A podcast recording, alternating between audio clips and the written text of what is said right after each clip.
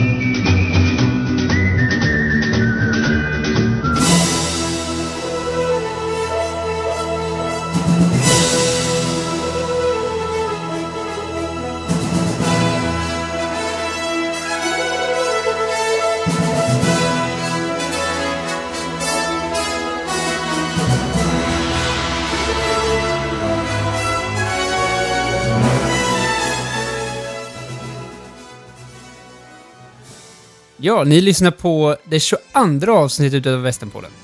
Eh, Idag var vi presenterade utav tre helt andra. Som eh, vi, vi kommer för, ni kommer föra mer utav dem i framtiden. Mm. De har, ju, de har ju till och med gjort en liten underkategori ju, Västernpodden Junior, Ja, precis. förra helgen. Ja, vi har ju pratat om att göra något specialavsnitt där ju. Ur, från, från barnens synvinkel längre Mm. fram ju. Ja. För det är kul. Det märker man ju som sagt också i olika sammanhang här att det är många barn som är alltså djupt intresserade. Och då pratar jag utöver eh, Lucky Luke och Leka på High Chaparral-nivån. Utan jag tänker som förra året var det en kille som var ganska ung som kom fram och ville veta, eller han tyckte vi skulle fokusera på vissa revolvrar ju. Alltså mer i detalj och inbördeskriget. Mm. Det är ju ditt Eh. favoritämne. Inbördeskrig. Inbördeskriget ja. ja. Ja, precis. Ja, och idag har vi ju Simon tillbaka. ja. Ja, Mitt i flyttkaoset. mitt i flyttkaos. Som du ser, massa lådor här. Ja, men de har du ju bara lagt där nu. Nej. Nej, Ja, det, hur har, går, hur går det? det har varit intensivt med flytten. Eh, Men det är, jo, det är ju en hel del renoveringar på gång med så att man har ju inte riktigt kommit i ordning. Någonstans knappt. Så att. Nej. Men det är så det är. Det är bara att bita ihop, Ja, faktiskt. men nu börjar det lätta. Du har ju inte, nästan inte haft tid att tänka på västen överhuvudtaget när vi har eh, pratat ju. Knappt innan. Nej, jag har tänkt mer på tröjan. nej, men... Nej, precis. Jag har varit inne, vi har pratat lite om det här ehm, med intresset för just västern, att jag är lite mer periodare, inser jag. Mm. Ehm, det kommer och går lite grann, sådär. Ja, du är det i högsta grad. Alltså jag tänkte, jag, lyssnade igenom lite grann på några gamla avsnitt, bara för att kolla vad vi egentligen har sagt. Mm. Nu har du sagt likadant, tror jag, i två... Att jag är i en svacka. Ja, Ja. perioder. Sen precis ungefär här någonstans runt maj, juni. Men så är det väl för många, tror du inte det? Det är det säkert. Att man lägger in nästa ja, växel. fast det är inte så att det ligger... Jo, kanske, men det är inte så att det ligger helt borta ett halvår, utan det kommer och går. Nej. Som många av mina intressen i och för sig. Mm. Ja, du är mer sån. Hur, hur är du när det gäller det, Oskar? Och just västern? Ja, men det är samma sak som Simon. Mm. I, det går i perioder. Ibland är det västern, ibland är det Star Wars, ibland är det. Batman, ibland är det fotboll. Mm. Men alla ligger ju ändå, det ligger ju ändå All- där och Alltid nära till hands. ja, Ja. pyser. Just nu är det ju inte västern som är inne för mig, utan nu är det ju Bruce Springsteen. Mm. Men det är också intressant. Anledning. ja. Men kan man bara ha en då? Kan man bara ha ett sånt stort brinnande intresse igång samtidigt? Nej, det vet jag inte, men jag har det. det väl- men det blir att man grottar ner sig Jo, extremt mycket i, i det. Ja. Det, jo, det, ofta är det ju ett huvudfokus. Jag tycker det är svårt att ha flera som du verkligen fokuserar på samtidigt. Ja, för mig Tycker har det ju jag. varit... Ja, jag har ju haft... Västern har ju legat högst, alltså året runt egentligen sedan 2019 i alla fall. Ja. Vänta, vilket datum? ja, men de senaste tre åren. Ja, Alltså sen vi flyttade hit egentligen, sen vi flyttade hem. Eh, har väl att göra med att man har ett hus också tror jag. Alltså istället för att vara en lägenhet. Jag trodde jag spelade, det spelar jättestor roll. Och kunna utöva liksom ute på trädgården och göra eh, ja, men allt möjligt med lassokastning, skjuta med kolsyrepistolen. Mm. Eh, ja, men det genomsyrar allt liksom. Svartkrutan då? Ja, den har jag ju inte skjutit. Det är ju det som är det Ja, jag har skjutit med den efter ni hade varit på Riverdale i och för sig. Mm. Då sköt jag resterna som ni inte hade skjutit upp. den som hade hamnat snett. Aj, aj, aj. Mm, men nästa helg hoppas jag ju på att få använda den. Mm. Förhoppningsvis. Mm. Det blir spännande. Ja. Ja, förra avsnittet då hade vi Ulf som eh, gästpoddare igen. Då eh, hoppade han in för Simon. Och eh, i det avsnittet så pratade ju Oskar och jag om fem filmer vi rekommenderade och fem filmer vi inte rekommenderade. Och där var det ju en skräll. Ulf blev ju helt chockad över framförallt en film. Ja, Ja. Det var lite roligt faktiskt att höra. Och, och jag gissade ju redan då att det, det kommer bli svar på tal där. Så Simon, du kan väl presentera dina fem Eh. filmer att rekommendera och att inte rekommendera? Ja, alltså de fem som jag rekommenderar är faktiskt alla filmer från 2000-talet. Tror det eller ej. Oj. Va? Nej, jag skojar bara. Nej. Nej. Ingen är därifrån. Ingen är nog före 70. Ingen har tal. Eh, jo, Det är knappt någon av dem fyra av fem. Det är faktiskt... Nej, ja, alltså i samband med detta tänkte jag just slå ett slag för stumfilmer. Mm. Eh, och då tänker många, öh, tråkigt. Öh, svartvitt. Öh, ingen CGI. Öh, Mm. öh, inga en tiondels sekunds klipp. Öh, Mm. fasen vad tråkigt. Men, eh, alltså man får ju se det för det första. Alltså, jag är ju lite filmnörd och var ju intresserad av alltså, kända stumfilmer ganska tidigt. Och jag tror att det är en ganska bra ingång om man vill förstå, liksom lära sig eh, konstformen. Alltså det är en egen konstform kan man säga. Det, det är en helt annan typ av film. På alla Ja, möjliga nästan ett sätt. helt annat medie. Ja, lite så. Och, att, och om man vill bekanta sig med det, det kanske inte bara är bra att sätta på vilken storfilm som helst, utan det bästa är nog att titta på de här riktigt klassiska filmerna först. För att liksom verkligen förstå, för de är ju jäkligt bra. Mm. Nosferatu Eh, ja, till exempel. precis. Det är, ju, det är väl en av de första storfilmerna jag såg, tror jag. Mm. Eh, det är väl en bra början. Alltså det är ju en, den tidigaste Dracula-filmatiseringen. Mm. För de som inte känner till, ja Metropolis är också ett bra exempel. Mm. Men den första filmen jag, eh, eller om man nu går kronologiskt, så är det Tre dåliga män. Jag vet inte om det finns en svensk titel på den i och för sig. Three Bad Men. Mm. Från 1926 och det är John Fords sista stumfilmsvästen. Mhm. Eh, och det är också, alltså, den är från 1926. Och sen så gjorde han ingen västernfilm förrän Stagecoach 1939. Det är ju ganska långt hopp däremellan faktiskt. Sa du inte 36? Va? Sa du inte 26. 26? Japp. Ja, ja, ja. Alltså Ja, såklart. 26. 1926. Mm. 26 var ordet. Säg det en gång till. 26. 1926 Mm. kom filmen. Mm. Eh, Det var inte bara filmen som kom då. eh, Nej. Nej. Nej, jag hörde det. Oj, du har något eh, klet på skärmen där. Kan du ta upp? Oskar, ja, har du en stearinfläkt där? Nej. Okej.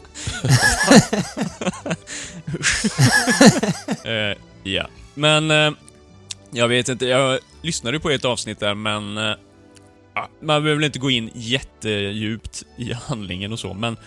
I alla fall den här... Vänta, vänta, vänta. Det har vi sagt varenda filmrecension. Nej, nej, nej, nej, nej.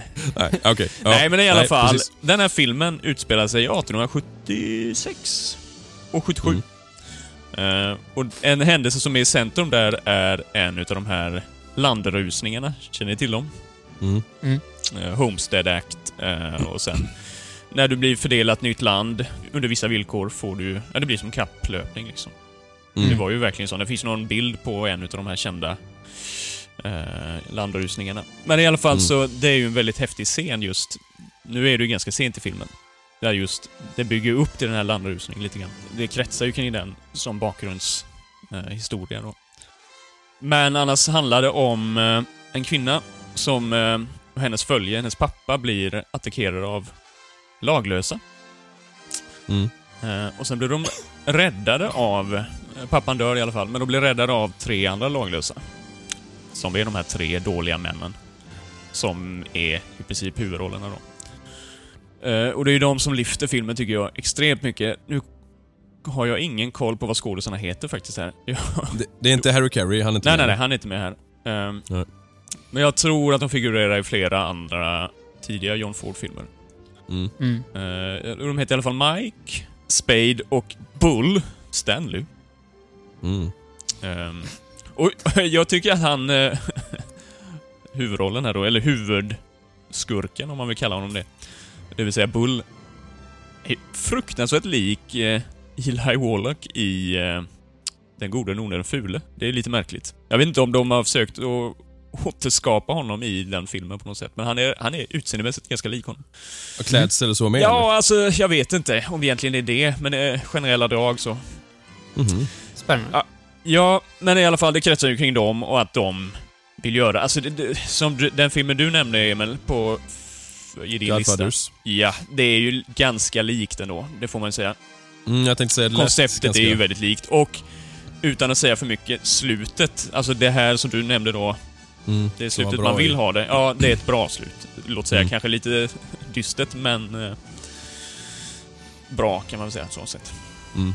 Men det, det, är inte, det är inte så att den här också är baserad på den novellen? Ja, eller? jag vet inte riktigt om den är det. Det, det jag skulle... Ja, det, är inte, det är ju ingen barn involverat i den här alls. Nej, utan okej. det är att de ser efter henne och vill få henne bortgift med en lite tokig sjungande cowboy. Mhm. Som är då, det är han som är eh, huvudnamnet egentligen då. Men eh, de stjäl ju showen helt och hållet, de här Okej. skurkarna. Eh, och sen lite rolig symbolik. Eh, det här med vita svarta hattar.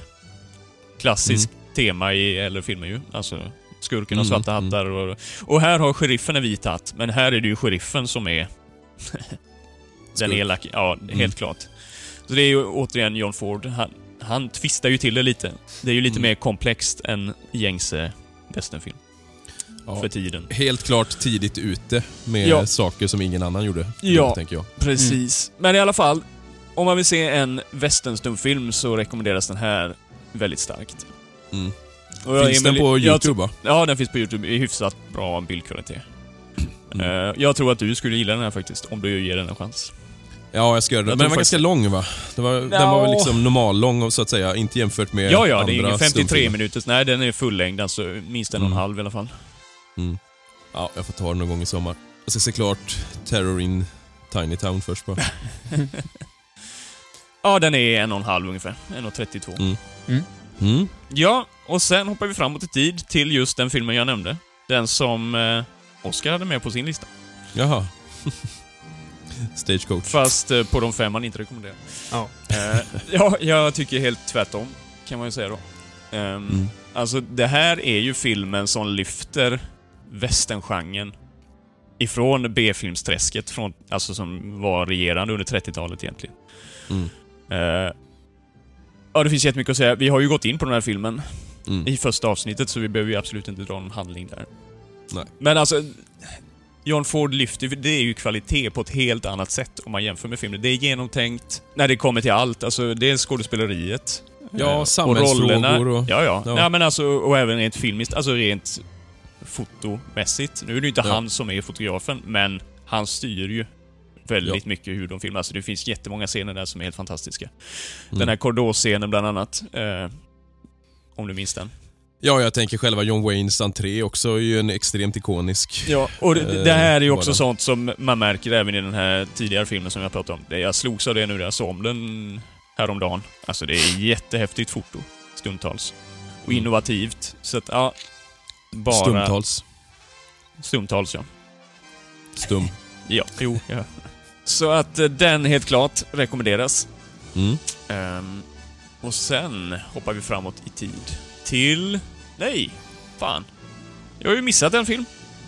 Jaha, då får du ta den nu. Ja, det var ju dumt, för eh, det kom en film emellan dem, som är en tidig eh, eh, talfilm. Mm. Mhm. Vad, vilken tror ni jag tänker på då? Nej, det vet jag inte. Den är från 1930. Jesse James kommer inte så tidigt va? Nej. Mot lyckans land. Vad heter den Låter på... det bekant? Nej, inte svenska The, titeln. The Big Trail heter den på engelska. Jaha. Det låter Mm. kanske mer bekant. Eh, I alla fall, det är ju en, verkligen en stor film av Raoul Walsh. En ganska känd stumfilmsregissör. Och tidig talfilmsregissör med då såklart. För detta är ju en ganska tid, alltså talfilmen kommer väl 27 om jag inte minns fel. Och detta är ju en ganska tid, och den här är ju extremt påkostad och har... Eh, filmas ju i widescreen-format och det var ju kanske en av de första filmerna tror jag. Så den är ex extremt... Eh, Stilbildande. Ja. Ja, ja precis. Men problemet var ju som sagt att den här filmen kom precis i samband med depressionen. Mhm. Och väldigt få biografer kunde visa det här storformatet, så att den blev ju helt så, liksom... Flopp. Ja, Ekonomiskt. Del, dels ekonomiskt eh, bar den sig inte. Och de kunde ju inte visa det i rätt format, så att säga. Så att, eh. och det var ju det, alltså huvudrollen är ju just John Wayne i en väldigt tidig roll. Han är ju bara 22 år, eller 23 eller någonting. Mm. Eh, och han gör det väldigt bra. Det, det är lite annorlunda. Han har inte hittat sin eh, riktiga, alltså den rollen som man är van vid att se honom riktigt här. Men han gör det jättebra. Eh, för att vara så jäkla ung alltså, så det är lite imponerande. Men det är ju efter detta. Dels så föll han i onåd hos John Ford, för han hade ju lovat honom, ja men du kommer få, han skulle ju liksom få jobba sig upp. Eh, Mm. och, till, och till slut kommer du få någon hu- huvudroll och så vidare va. Men så blev han ju erbjuden den här huvudrollen och då, jag vet inte om han blev avundsjuk eller vad det är, men eh, han föll i onåd där under flera, flera år. Och fick ju inga, inga roller alls av John Ford. Nej. För att han hade ju tänkt att han skulle göra någon stjärna då. Mm. Sen fick han ju chansen då i, i Stagecoach 39. Men det är ju långt senare, det är ju nästan 10 år där, Mm. där han var fast i B-filmsträsket. Och bara Mm. gjorde mer eller mindre B-filmer. Vissa är i och för sig ganska bra, men mycket är ju ren skit. Jag tänker Angel and the Badman och de här måste ju vara där va? Um, ja, är den 30 eller är den 40? Jag är osäker nu va? Jag blandar ihop den med en annan. Är det inte den med Harry 30? Carey? Är inte den senare? Ja, jag vet inte. Men det, är- Ja, det är ju flera samma. filmer där. Mm. Ja, ja, absolut. Men den här, den är ju helt klart sevärd. Den är ju, det är Mm. lite, de här tidiga talfilmerna är ju lite speciella i och med att de inte riktigt har hittat eh, formen. Nej. Hur Nej, man just ska... Det är lite trevande så, det här med musik. Alltså hur mycket musik har man? Har man alltså Ja. vissa har ju knappt någon... Jag tänker på Dracula till exempel. Ja, ja. Det är ju jättelite musik. Den är ju väldigt tyst. Mm. ja, men hur de ska använda mediet där med. Det blir Ja. ju helt... Som sagt, här blir Ja, det hur- en hur helt du annan spelar. konstform. Ja, och Ja. hur du spelar. Alltså det här stumfilmsagerandet där du är väldigt uttrycksfull tonar man ju ner här liksom. Ja. Men du behöver ju inte det lika på samma sätt. Nej. Eh, Så ibland kan de ju uppfattas lite tomma, kanske så, Mm. kan jag tycka, innan du väl har hittat rätt eh, form, så att säga. Mm. Men den är jäkligt storslagen och häftig, alltså bara det är ju värt att se det för alltså det filmiska, vidderna, landskapen, det är jättehäftigt. Eh, Ja. Den rekommenderas också. Nu däremot hoppar vi fram i tid till Mm. ganska modern tid, det vill säga 50-tal. Och då eh, är jag inne i en helt annan regissör och en annan skådis. Um, Randolph Scott, kanske ni känner till? Mm. Tänkte säga att det var nog det. Ja, eh, och det är ju också en kille som... Han var ju ganska stor på 30-40-talet i westernfilmer. Men han kommer, jag tycker i alla fall inte han kommer till sin rätt förrän när han blir lite äldre och spelar lite mer komplexa karaktärer som han gör då i de här... Oh, nu minns jag fasen inte vad regissören heter bara för det. Han är ganska känd. Ja, strunt samma, känner jag. Eh, han gjorde ett gäng filmer med uh, Randolph Scott på 50-talet. Eh, och alla är mer, mer eller mindre sevärda, men jag fastnar kanske mest för Seven Men From Now. Mhm. Det låter bekant. Jo, vänta, har jag sett den? Det har jag inte va? Eh, jag tror inte det. Sju Mäns Död heter den på svenska i alla fall. Mm, Och, nej, det, det är lite kul för här märker man att element i den här filmen är ju väldigt, har spelat stor roll för eh, Leone känner man, när han har gjort sina spagettifilmer. På, alltså nä, långa, eller Ja men alltså det, som- det, är- det är dialog, bland annat. Eh, Mm. Och sen lite antihjälte-tema också som... Som sagt, han är ju lite mer antihjälte i de här filmerna egentligen. Eh, Men ändå rättrådig, är ju viktigt att påpeka. Det är ju inte Mm. den här genomruttna, som jag inte alltid är genomrutten i och för sig, som kommer på 60-talet. Mm. Eh, nej men den eh, är nog en av de bättre utav hans filmer där, på 50-talet. Mm. Då är det bara en kvar. Och då är det också en film med Randolph Scott och Joel McRae. Vilken Ride High Country? Nej? Ja. Ja. Och det, vem är regissör där? Pack, Peckinpah? Ja. Kanske? Och det är väl hans första västernfilm, va? Jag tror det. Kanske att han gjort något innan. Men det är hans riktigt st första stora film i alla fall, som när han slår igenom. Mm. Mm. Och den är ju inte... Den är, den, vissa element är ju ganska lika eh, Wild Bunch. Ja. Men... Eh, fast det, det, det, återigen, där är han ju på den... Den här är ju mer klassisk egentligen i sitt format. Och Mm. särskilt slutet är ju helt klart det. Även om det är kanske lite tragiskt slut, till viss del. ja, men det är ju lite där upprättelse... Alltså, Jo, det är ju eh, exakt det som är temat i filmen. Jo. Eh, Utan att säga för mycket. Men eh, helt klart en film värd att se. Mm. Jag tycker också den är bra. Den är lite tråkig. Alltså jag gillar ju inte hela det här när de kommer till min gruvsamhället. Nej, precis. Det, det kan jag hålla med om. Det, det roliga är ju att se samspelet mellan de här två eh, luttrade McRae och... Ja, skådisarna. precis. Eh, Ja. Och det är ju liksom, jag tror det är sista filmen som Randolph Scott gjorde faktiskt helt och hållet. Sen pensionerade han sig efter detta. Var ju en- Slut... Uh, klimaxet är ju bra. Ja, precis. Ja, Det är ju, bara det gör det ju värt att ja, se den. ja, men just att se de två eh, Mm. tillsammans i en sån här film. Och liksom ta förväl av eh, västernfilmen lite grann. ja, Lite precis. vemodigt så, men... Eh, nej, helt klart bra. Och de eh, Mm. lyfter ju verkligen filmen också, båda två. Ja. Ja, det var de eh, tipsfilmerna då. Mm. Mm. Eh, då har vi fem filmer som jag absolut... Det här tyckte jag var svårt. Eh, Ja, du sa ju var det. Jättesvårt att välja fem filmer jag tipsar om att inte se. Men Den ohotade ettan här är ju en film som är jättepopulär i många kretsar. Kanske inte så mycket i västernkretsar, men åt- i filmkretsar. Ja. Vil- vilken tänker jag på då? Ja, du vet ju du i och för sig redan. Du har Ja. ju sagt det. Uh, Oskar då? Vilken tror du? Film. Mm. Nej. Den, är från, den är från sent 60-tal, 69. Jag tänker många i eh, våra föräldrars generation som Mm. kanske Ja, inte sett så många... Butch eh, Cassidy va? Ja, Sundance Kid. Ja. Eh, alltså, jag gillar ju egentligen både... eh, vad heter han? Paul Newman och... eh, Robert Redford. ja. Egentligen gillar jag dem skådespelarmässigt. Men den här filmen är så jäkla konstig. Mm. Anakronistisk. Alltså musiken är helt bisarr. Uh, jättekonstiga scener. Mm. det är så Ja. cirkusartat. Jag vet inte hur jag ska beskriva det, men den... Nej, den är jättekonstig. Jag har så svårt att köpa den och jag förstår verkligen... Visst, jag kan förstå att det är lite kult för att den är så jäkla udda Mm. på något sätt, att den lever på det då, men... Jag har svårt att se storheten i den, alltså jag kan verkligen inte se det. Ja, jag har aldrig Den är- kunnat se klart den. Faktiskt. Inte Alltså, jag jag har försökt. Ja, nu- ja, ni Ja, jag har försökt också den. försökt. Jag... Ja. Nej, den, ja, den kom ju helt fel tid. Alltså den är ju, det är ju lite... eh, ja, vad heter de här filmerna? Fonda... Alltså inte Henry Fonda nu, utan Peter Fonda. Ja, men revolutionstiden där, alltså 68 och... Jag tänker att den är lite psykedelisk. Alltså, ja, ja, ja, jo men det hänger ihop Det är ju mycket det. Men som 60-talet. sagt, Nej, det är ju verkligen eh, Mm. eh, barn av sin tid. Ja, men alltså...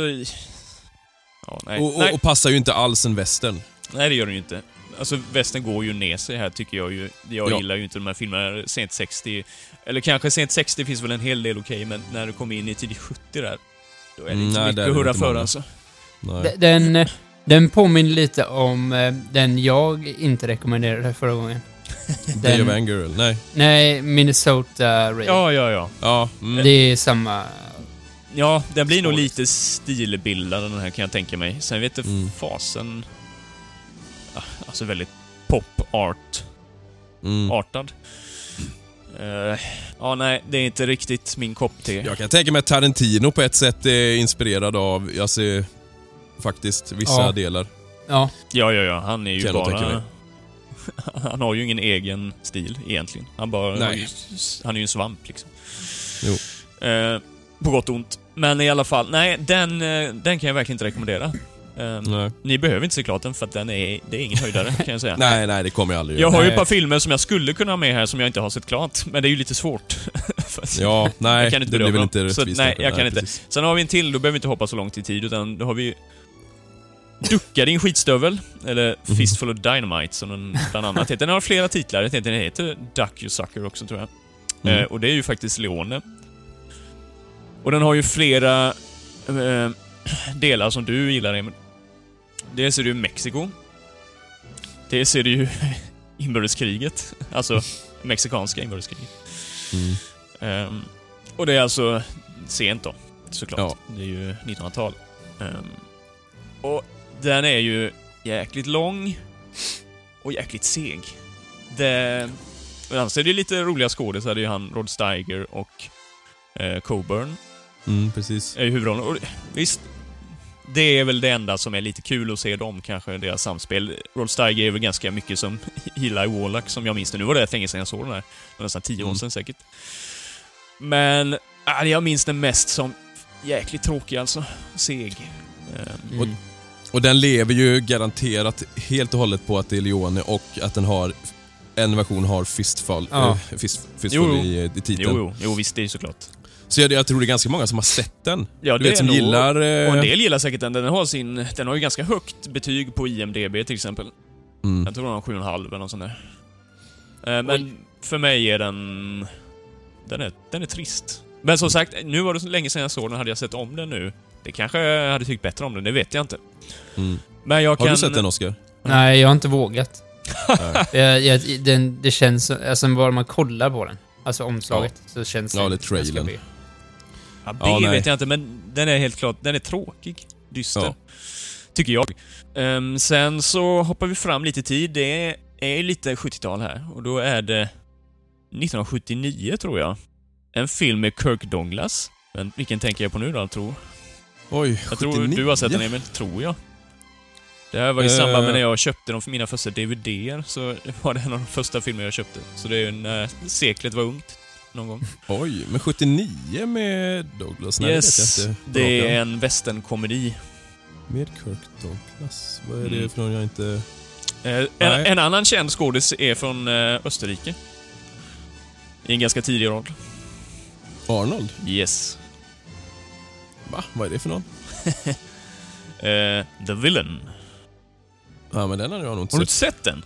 Nej, det tror jag inte. Nej, det kanske du inte har. Men eh, då vet du också att du behöver inte se den, för den är ingen höjdare kan jag säga. Den är jätteudda. Det är lite... Komiken är väldigt lik de här julben och... Eh, vad heter den?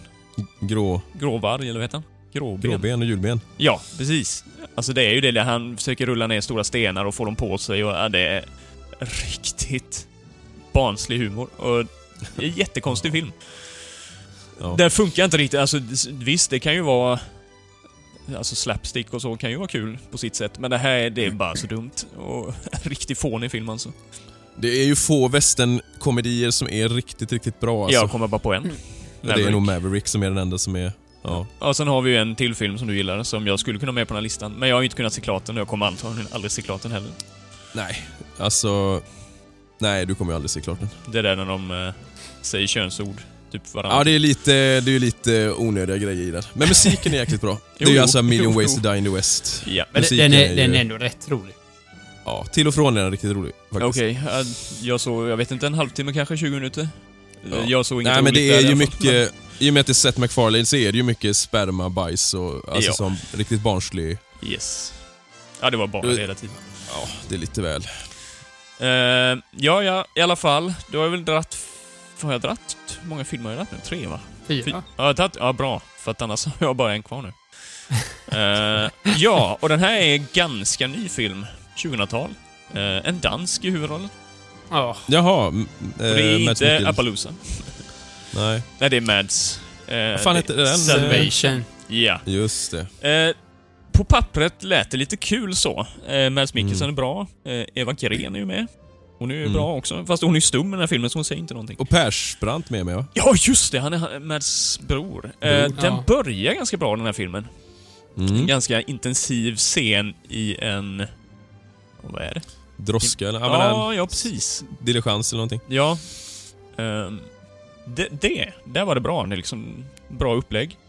Mm. Eh, och sen blir det bara pannkaka av allting känner jag. Det är så halvdant, eh, ganska... Halvdanskt. Ja, halvdan. Dåligt skådespeleri. Uh, ja, nej, jag vet inte. Den levererar inte. Slentrianmässigt. Ja, nej, CGI-eld, bara en sån sak. Ja, alltså det där är ju en film, det är ju en frustrerande film för den, jag vet, jag tyckte det, att den hade otrolig potential Ja. och just kul att det var dansk. Och sen som du säger, det är, li, det är lite som att man avskedat eh, Ja, den är dansk, regissören. Den är dansk. Ja. Produktion, eller? Jag tror det. Ja, jag tror det. Men, Dansk. Och sen vet jag inte vem han, eh, Tysk den här typ skurken... Vem är det? Han är Nej, enormt blek och... Ja, nej. Det är också en film jag inte har klarat av att se klart. Nej, den är... Som sagt. Ja, jag kände kan mig man- tvungen att se klart den. Men, Men, men, eh, miljöerna, alltså... De har, de har gått så fruktansvärt mörkt ja. på miljöerna. Alltså det är ju kolsvart runt omkring. Men det är ju det som I är den? typiskt 2010-talsfilm. I den ja. i bo- i, framförallt i början, för jag har inte, Jo, jag har i inte början sett är så det ju- mycket. Då är det ju Mm. natt, så att då är det mörkt. men sen tror jag det är dag, och då är det lite Ja. ljusare. Nej, men... Eh, jag har för mig att den här upplösningsscenen, då är det nog dagtiden då, va? I staden. Ja, jag tror det, för mig När det. man ser den här CGI-elden så Ja. tydligt mot den lju- ljusa skyn. Men jag, jag, det där är ju liksom... Just det här, den ringer ju in, det är ju bra att den är sist på listan med, för det ringer ju in hela problematiken kring 2010-tals ja... eh, västern, tycker jag. Mm, fast det, den Att det- här känns lite mer halv... Alltså den, mm, den är halvhjärtad och den, försöker ändå göra det här. Visst, de har de här mörka, eh, gritty inslagen, men den försöker ändå på något sätt, gör den inte det? Alltså, Jo, men, jo, men jag menar knyta det. an Och så, till de klassiska westernfilmerna. ja. Men det har ju många av de här nya. Många har ju liksom delar, alltså man kan säga att upplägget kanske har potential. Jag tänkte den här, vad hette den med Natalie Portman? Jane Eh, Garagan eller någonting. ja, Mm. något sånt. Också samma sak, det är lite intressant liksom grunden till det, men sen utförandet är vrålpissigt. För att... Eh, Pissigt, ja. Jo. ja, det är mitt favorituttryck. Nej, men det är riktigt eh, synd liksom. Ja, ja, ja, visst. Det är ju få... Eh, Jag kom på en film jag egentligen borde rekommenderat som verkligen... Nu är det ju 2020-talsfilm till och med, men det är ju... Eller, eller pratade jag om den förresten? Jag kanske re- rekommenderar den. Vilken? Det gjorde jag nog förresten, kom jag på. Old Henry. Ja, Ja, men det var ju den du rekommenderade. Ja, jo precis. Den, där har man ju ett exempel som... Det, det går i det mörka, Mm. du presenterar något nytt, du knyter an till det som har varit och den, den går liksom i linje genom hela filmen. Mm. Den lyckas ta sig in i mål liksom. Mm. Det är nog unikt. Jag vet inte om det är att det är studior, alltså studiorna som går in för mycket och pillar i Nej, så här ska det vara. Vi vill ha in det, vi vill ha in det. Det kan ju vara så nu för tiden. Ja, det kan det väl vara, men det undrar jag. Jag tror inte riktigt det är det som är problemet. Det, det saknas nog någon slags nytänk. Som egentligen, och nytänk kanske betyder gammeltänk på ett sätt. Alltså jag eh, kommer återigen tillbaka till John Ford. De borde ta efter honom mer. Han lyckades Mm. ju väva ihop så jäkla många element i filmerna som är bra. Alltså dels komik, som visst, en del kanske har lite svårt för hans komik. Eh, Jag kan Ja. tycka att den är rätt charmig dock, på sitt sätt. Ja, Eh, i men vissa menar- fall alltså. Jo, men alltså det går ju att göra det på olika sätt. Jo. Såklart. Men jag menar andan i hans filmer ändå. Mm. Och det är ju ofta ganska tunga ämnen som behandlas. Det är absolut Ja. inte några skojfriska filmer direkt. Alltså det är det ju också, delvis. Men han väver ihop det på ett bra sätt, tycker jag. Mm. Ja, absolut. Perfekt för westernfilmer. News of the World lyckas ju. Ja, jag tycker också det. Du har väl... Ja, Nu Simon, vi är närmare. Du vill, är inte sugen på att se om den eller? Ja, alltså jag vet inte. Jag gav den ganska högt betyg, minns jag nu. Högre Mm. betyg än vad jag skulle ge den nu. Det var kanske nyhetens behag lite grann. Um, Mm. Den var helt okej alltså. Men jag vet inte om den fick en tre och en halva då kanske. Ja, jag tror jag gav den fyra. där. Jag Det är gav den fyra i alla fall. Mm. Det är ju definitivt inte mer än en trea. Om ens en ganska svag trea nu, skulle jag nog säga. Den är ju som Det- sagt helt okej, men det är liksom inget speciellt egentligen. Tycker inte Men det jag. är ändå ganska mycket bättre än de flesta från... Ja, alltså... Ja, ja, ja. Visst. Absolut. Men det finns inte så mycket konkurrens. Jo, nej, alltså... Tyvärr. Nej, det finns ju många filmer, men det är väldigt få. Jag, jag tänker återigen, Silverado ser jag som ett typexempel på... Där har man en film i en era när... När det var mycket revisionistvästern, det var liksom... Man hade gått ifrån det som var, inom citationstecken, klassisk västern. Och Ja, här gick man tillbaka. Nu är det ju på tiden att man gör det igen. jag tror att väldigt många eh, som är intresserade av westernfilm, och jag tror att väldigt många som vi har pratat med, eh, de, alltså gamla filmer för dem, är ju inte så gamla filmer, utan det, eller ja, beroende på hur man ser på det. Utan gamla Mm. filmer är ju kanske 60-talsfilmer. Jo. Och för mig är ju gamla filmer någonting helt annat. ja, eller ja, Ja, 30-talet jo. med för den delen, men... Eh, det finns en hel värld där att upptäcka tror jag, för om man vågar se gamla filmer. Jag tror att en hel del, kanske, westernfans jag vet inte, har lite svårt för gamla filmer. Det är bara en bild. Inte alla, absolut inte. Det är nog en generationsfråga lite grann. Ja, Men man ska nog försöka, för det finns ju ganska mycket film, bra film att se om man letar sig bakom eh, 60-talet. jo, precis. Jag tror, man är, jag tror många har blivit rädda av att se, som jag med, alltså man har sett mycket kanske B-västern. Mm. Från ja, men 40, 30, 40, 50-tal. Alltså har man verkligen Om- det då, tror du? Är det verkligen många som har sett Ja, många men jag tänker, sådana ja, B-filmer? jag tänker kanske sådana här matinéfilmer som gått på SVT. Jo, men då, då tänker man kanske gamla filmer generellt sett. Och, ja, jag Jo, vet inte. Ja, men jag menar det, jag tror... Man, men man kan ju säga det egentligen om man ska knyta ihop lite våra... Alltså, John Ford är ju återigen ett namn. Mm. Att eh, oh, ehm, hålla sig till, alltså verkligen utgå ifrån. Och sen, eh, nu ska jag säga Rio Bravo, Ja, det är Och ju... de- Eh, eh, inte Howard jo. Hawks. Hawks. Ja. Ja, precis. Det är också ett sånt namn Mm. som man kan eh, kika in lite extra. Mm. Ett annat tips som jag vill ge nu, alltså det är också det här med Kolla vem det är som har gjort musiken, för musiken gör ju skitmycket för filmerna. Ja. Eh, bara ett litet tillägg där, det glömde jag säga nu. Men i alla fall den här stumfilmen jag tipsade om precis. Mm. Eh, musiken i den, alltså nu är ju den här musiken, det, den är ju nygjord. Alltså, Mm. det var ju livemusik var ju tanken. Alltså det är ju någon som sitter och Mm. spelar piano, eller orkester till och med i vissa fall, som spelar i, på salongen. Det är ju jättehäftigt egentligen. Mm. Bara en sån sak. Men i alla fall, musiken här, i den här versionen, är ju kanonbra alltså. Det är ju bara en akustisk gitarr. Men Mm. extremt effektfullt, måste jag säga. Mm. Mm. Eh, mm, jättebra. Egentligen är ju inte det John Ford då, såklart. Men eh, oavsett nej. så är det jäkligt lyckat. Mm. Eh, mm. Ja, kul. I said throw down, boy. You gonna do something or just stand there and bleed? No? I didn't think so. Jag nämnde ju förra avsnittet, hade jag börjat kolla på den då, Oscar Billy the Kid? Det hade jag va? Ja, jag tror det. Ja, och den har ju premiär, jag tror det är nu i helgen den har premiär på Viaplay. Idag. Idag Jaha. till och med, så när ni hör det här så är det en vecka tillbaka. Men hur många... Eh. den är avslutad eller? Det är miniserie. ja, precis. Men- Jag såg sista avsnittet förra Hur veckan. många avsnitt? Åtta tror jag va? Ja. Oj. Eh, Hur, Eller alltså det kommer ju en till säsong. Kommer det komma. men hur långa? Är det timmeslånga eller 40-50? Ja, 50, något sånt. Ja, Okej. Jag ska säga det med att, med tanke på att jag inte hade någon... eh, Jag hade ju ingen egentlig förväntning på den alls. Och jag hade glömt bort att den skulle komma. Så jag, jag såg den ju bara lite eh, ja, slentrianmässigt egentligen. Mm, mm. Och jag tror speciellt efter att jag blivit så besviken på 1883, där jag kom ifrån en helt annan... ehm, Höga Alltså när man hade höga förväntningar. Ja. Mm. Och det var ju, som sagt återigen, det var ju självförvållat av dem. Jo, jo. Eh, jag gillade Billy the Kid-serien jättemycket. Mm. Mm. Faktiskt. Eh, Bra, jättebra skådisar. Eh, det är... Visst, de har tagit sig mycket friheter. Nu är, nu är jag ingen expert på Billy the Kid, men av det jag har läst så har de ju tagit sig mycket friheter ändå. Men för att få, liksom, få ihop det de har tagit från historisk fakta. Mm. Eh, vad som är rimligt, kanske. Mm. Jag tycker också han, han är ganska lik. Han är Ganska så lite lik, småful. Jo, på den bilden. Jag har bara sett en bild på han och det reagerar jag på. Bara det var ju ett Och plus. kläderna överlag i serien, visst det är hattar och sånt där som är... Det är några jackor som är lite... Mm. Om man nu går in med den synvinkeln, det behöver man ju inte göra, som sagt. Nej, nej.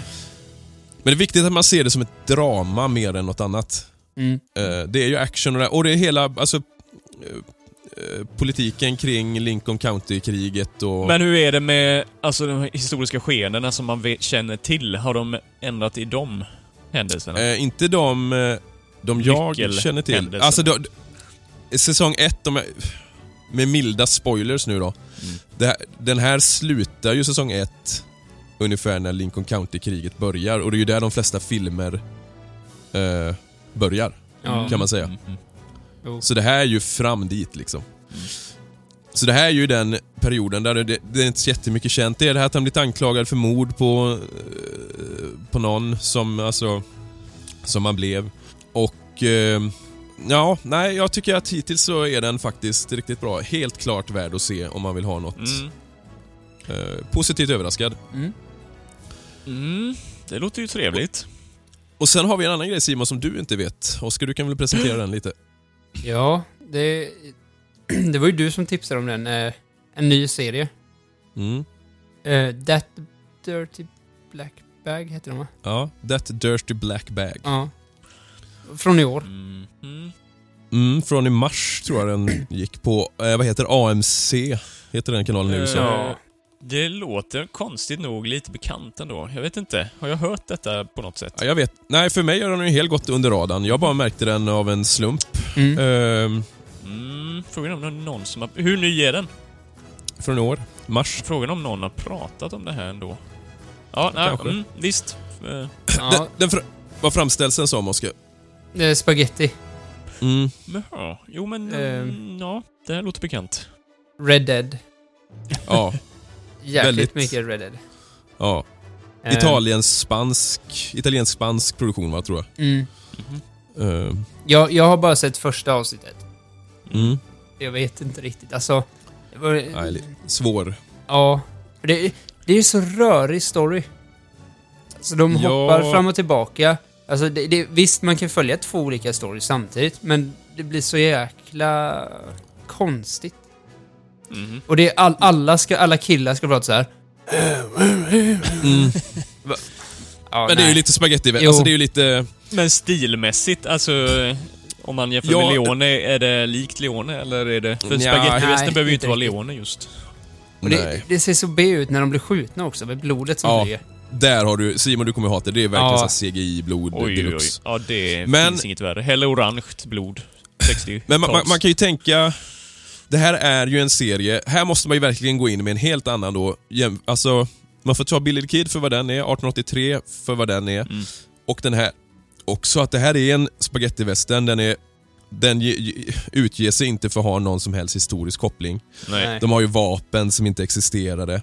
Eh, man, man måste ju frångå det och kläder och allt det. Man får tänka att det här ska vara någon form av... Alltså det är mycket blod, det är mycket splatter. Eh, Det, det, det, ja. det handlar ju om en, en prisjägare som är starkt Klint-inspirerad. Ja. Okej. Eh, Fast jag lite, får också lite, lite... fjantigare än vad Clint är. Ja, han, han, han, han är ju inte så tuff den skådisen. Nej. Han heter eh, Douglas Booth, jag känner inte igen han alls. Nej. Eh, lite inspirerad av eh, Red Harlow i eh, Red Dead Revolver, alltså första Ja. Mm. där. Det här med att hämna sina föräldrar, tänker jag. Ja. Och han heter ju Red Bill. Sen är det ju Dominic Cooper som spelar Tony Starks pappa, bland annat i Captain America. Ja, Han ja, ja nu, nu sheriffen. du sa det. ja. Mm. Men det är amerikaner med alltså? Ja, ja, ja, absolut. Bara eller? Han, eh, han i Vikings, eh, Ragnar... Vad heter han? Mm. Jo, jag vet vad du menar. Lothbrok. Va, är han kommer ju? Ja, inte i de här två första avsnitten. Ah, okej. Han kommer Nej. senare. Ja. Och även han eh, Littlefinger från Game of Thrones är ju med. Just det. I alla fall så, jag, jag skulle ändå säga så här att jag ser ju mycket hellre ändå den här än många av de här 2010-2020-talsfilmerna. För det här är ändå något nytt. Mm. Ja, Om man ska ta någonting positivt är det ju väldigt snygga miljöer. Ja, och fotot kan jag tycka är fotot. ballt. Ja, så här landskapsbilder i alla fall. Mm. Ja. Mm. Och det, det, det känns ju, min, efter sett två avsnitt, det känns som att det kommer vara lite övernaturliga inslag kanske längre fram, inbillar jag mig. Mhm. Eh, och att, ja, det känns som att intentionen kring det, alltså storyn bakom staden och de här, och lite så här, den är ganska god. Mm. Så det, man får väl se. Jag, Ja, jag ja. tänkte jag ska plöja igenom hela säsongen, för den finns ju ute lite här och var. I Sverige vet jag inte var den kommer gå, om den ens kommer gå. Nej. Eh, på tal om Sverige förresten. Mm. Det här är helt sjukt. Jag läste det precis nyss. Vet ni vad... Det kommer göras en svensk västern. Va? Nej. Jo. Det är Skojar en ny inspelning av en känd klingonvästern från 75. Nej. Nej, nej, nej. Nej, han hittar på. Ja, Ja, jag var dåligt. Fan, vad så tråkigt. gris. Ja, det hade varit grymt. Så jävla taskigt. Usch. Ja. Jo, jo, jag vet. Det borde man ju göra. Man borde gå ihop alla, alltså Kodiak, Riverdale, High Chaparral, Josie, alltså alla de här ställena. Pierre Lindstedt Och så eh, gör man spelar en- sin pappa. Ja. Lever Pierre Lindstedt? Jag vet inte. Jo, det tror jag. Ja, det vore grymt. Då har vi, kan vi uppdatera jingeln. vi använder ju, ifall man inte märkte, varje avsnitt har vi ju en jingel från eh, I Dödmans spår. Eh, Och jag har fortfarande inte sett den. Nej, vi måste ju se den Har till du ett inte? avsnitt sen Nej. och recensera den. ja, jag tänker vi ska ägna ett helt avsnitt åt I Dödmans spår faktiskt. Det finns ju någon podd som har spelat in något avsnitt Ja, just om det. just den här. Precis. Ganska långt avsnitt. Jag kommer inte ihåg vad det är ja, för jag podd, lyssnade. men... Det eh, var, nej, Så det här var riktigt bra. filmkritisk. Ja, jo, jo, det är ju med det Mm. såklart. Eh, Men, eh, Kritisk kritiker. Ja. Mm. ja, jag vet inte om Nej, det var bra. Det var mycket in i detalj. Ja, det var Men vi det. kanske ska göra... eh, Vi gjorde ju svenskar i Vilda Västern. Kanske ska Mm. göra Vilda Västern i Sverige. Ett avsnitt. Ja, alltså Sverige och Vilda Västern är ett litet ämne som vi har varit inne och touchat på lite grann redan i första avsnittet. Ja. Och förhållandet däremellan. Ja, det är ett Hatkärleken intressant som... eh, överlag. Ja, jo men det är ju Mm. det. Eh, Sverige och USA finns ju ett speciellt Ja. band där känner jag. Som är... Mm. Ja. Mm, mm, mm. Ja, det, så återigen, Frozen Star hade ju varit kul att se. Ja. Återigen, vi slänger ut våra krokar. Om det är någon som kan hjälpa oss att se den så... Mm. Eller var du med i inspelningen av någon av Mats Mm. Helge Olssons höjdarrullar från 70-talet? Hör av dig Mm. då. Ja, jättegärna. Mm. Eh, avslutningsvis kring det här med film vill jag säga jag blev ju tipsad av Morgan, alltså Morgan Asp, om en eh, tv-serie. Eh, och det här är från, jag tror det är 2005. Jag trodde det var 90-tal, men det var 2000-tal. Eh, Into the West heter den. Mm. Eh, vi har ju nämnt den förut, tror jag. Eller så var det att Morgan tipsade oss redan då. Att det, det här är ju en... Spielberg är ju Ja, ja, ja, det är den, producer ja. på den. Just Mm. det. Jag köpte ju den och börjat kolla. Mm. Det här är ju det som 1883 borde varit. Mhm.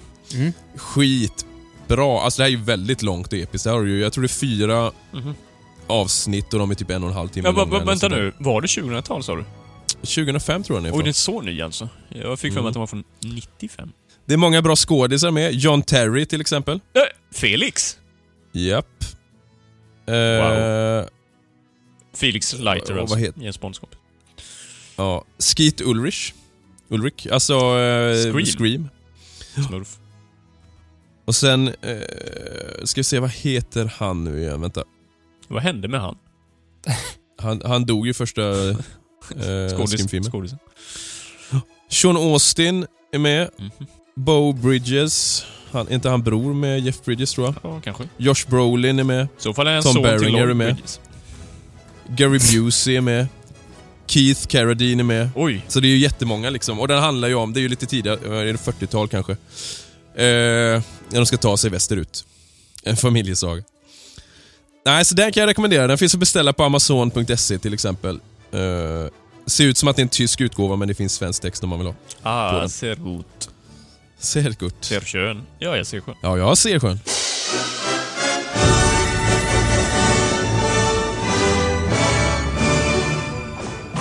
Det är lugnt och tyst här ikväll. Just vad det ska vara det, Jake Logan. Ta ditt gäng och stick va. Jag vill inte ha något bråk här ikväll. Ja. Nej men, eh, jag fick lite dåligt samvete. I och med att jag var borta förra avsnittet. Mm, tycker vi att Eh, du ska. Så jag, ja precis. Och sen just det här nu när jag hittade på det här med svenska västernfilmen. Det är riktigt grisigt gjort Ja, faktiskt. Men eh, faktiskt. jag såg att dina ögon började tindra. Du var riktigt... Ja, jag tänker, tag det är många lyssnare tror jag där som bara "Hö!" sätter bourbon i halsen. Ja. Eh, så jag får gottgöra det. Och jag har gjort det i förväg. Eh, för att jag skulle kunna dra det här eh, svindelgrejen. Nej, men... Eh, jo, jag har kollat upp ett litet ämne. Det är ett ganska kort ämne, det blir inget jättelångt. Så att ni behöver inte känna er uttråkade. Men ett litet udda ämne. Eh, det handlar faktiskt om Oscars mustasch. Nej. Nej, det handlar om... Eh, det handlar om tidiga 1800-talet. I Amerikat. Mhm. Eh, den västra expansionen. Den känner ni till va? Ja. Mm. Särskilt eh, 1830-talet faktiskt, tänkte jag börja i. Vad var... Vad var problematiskt med expansionen västerut? Vadå? Generellt att sett. Tas, ja, ta sig ut. Jo, jo. Det fanns inga... Jag menar ju inga järnvägar menar jag. Nej. Eh, ja, men framförallt sydvästra USA var ju ganska besvärlig att eh, ta sig igenom. Mm. Eller hur? Det är ju inte så Mm. kul att gå genom öknarna direkt. Nej. Eh, och även hästarna hade lite besvärligt faktiskt. Mm. Eh, alltså, de behöver ju såklart... De måste ju ha foder. De måste ju ha vatten. Mm. Ehm, så det var ju ett litet problem där egentligen. Och en uh, armélöjtnant, George Hamden Crossman. Eh, han hade deltagit i indiankrigen i Florida 1836. Och under, under den här tiden eh, så blev han helt övertygad om att lösningen på det här problemet då, med att forcera sydvästra USA, Mm. är kameler. Mm. Mm. Mm. Det är ju inte så ologiskt egentligen. Nej, det är det ju inte egentligen. Men eh, lite udda ändå, kan jag tycka. Ja. Eh, I alla fall, tillsammans med en vän, eh, E. H. Miller. Mm. Eh, jag vet inte vad E och H står för, men det är skitsamma. Gjorde han i alla fall en hel del efterforskningar i ämnet då och skrev en rapport till krigsdepartementet i Washington. Vad han hade kommit fram till. Eh, och här följer ett utdrag i rapporten som jag har översatt till svenska. För jag vill inte Mm. förnedra mig genom att läsa det på engelska. Så att jag... Som jag brukar. Ja, precis. Men i alla fall, nu har jag gjort ett försök och det var lite... Det fanns en rätt svårt att översätta. Alltså, det slog mig. Jag har ju aldrig liksom... Visst, direktöversätta är ju en sak, men att översätta, Jo. Ord. ja, på bra, god svenska. meningar. I alla Ja. fall. Eh, så här är- lyder då utdraget ur hans rapport. När det gäller styrka att framföra tunga packningar, uthållighet under arbetsinsatsen, förmågan att uthärda brist på mat, vatten och vila och i visst avseende även deras snabbhet, är kamelen och dromedaren, som den arabiska kamelen kallas, ohotad bland djur.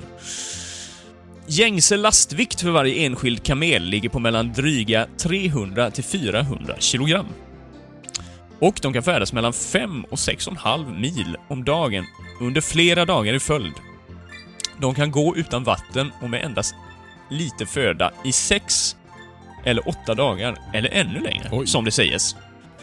Eh, Deras fötter är alla lämpliga för att korsa gräsbevuxna eller sandiga slätter, klippiga berg och stigar samt de kräva. Ingen skoning.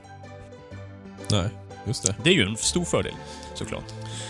Eh, det låter ju väldigt bra det här, kan man tycka. Mm. Men han fick faktiskt inget gehör för den här idén. Eh, så det låg liksom... Ja, han eh, vidhöll ju detta såklart. Mm. Men det hände ingenting förrän 11 år senare. Då träffade han... Då hade han av- avancerat till major och eh, stiftade bekantskap med en annan kamelentusiast. Som också var major. Det, vänta, det är, det är också ett roligt ord. ja, jo, jo, jo. Det är ju jätteudda ord. Ja. I alla fall. Eh, Henry Wayne hette den här majoren då. Och han var helt inne på samma spår. Och skrev en ny rapport till krigsdepartementet och kongressen där han rekommenderar import av kameler. Men en som nappade på detta var senator Jefferson Davis. Låter det namnet bekant kanske? ja, vänta nu. Lite. Davis.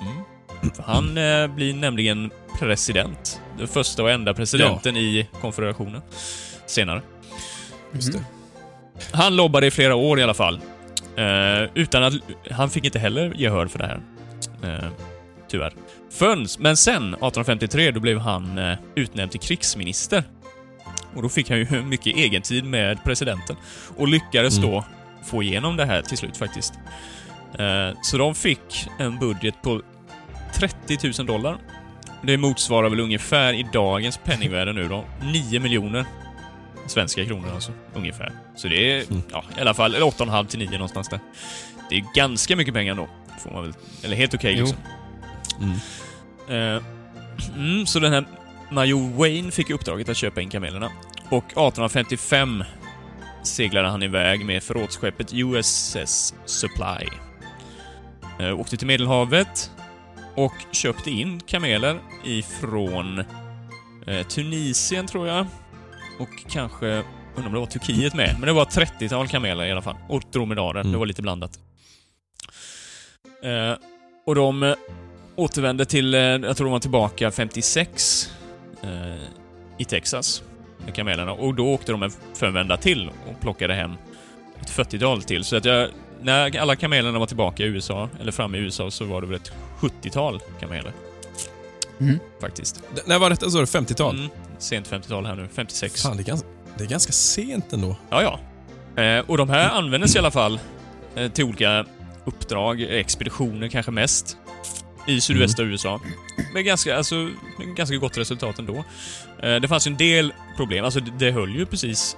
Det, alltså, de kunde bära så här många hundra kilo då, 300-400 kilo.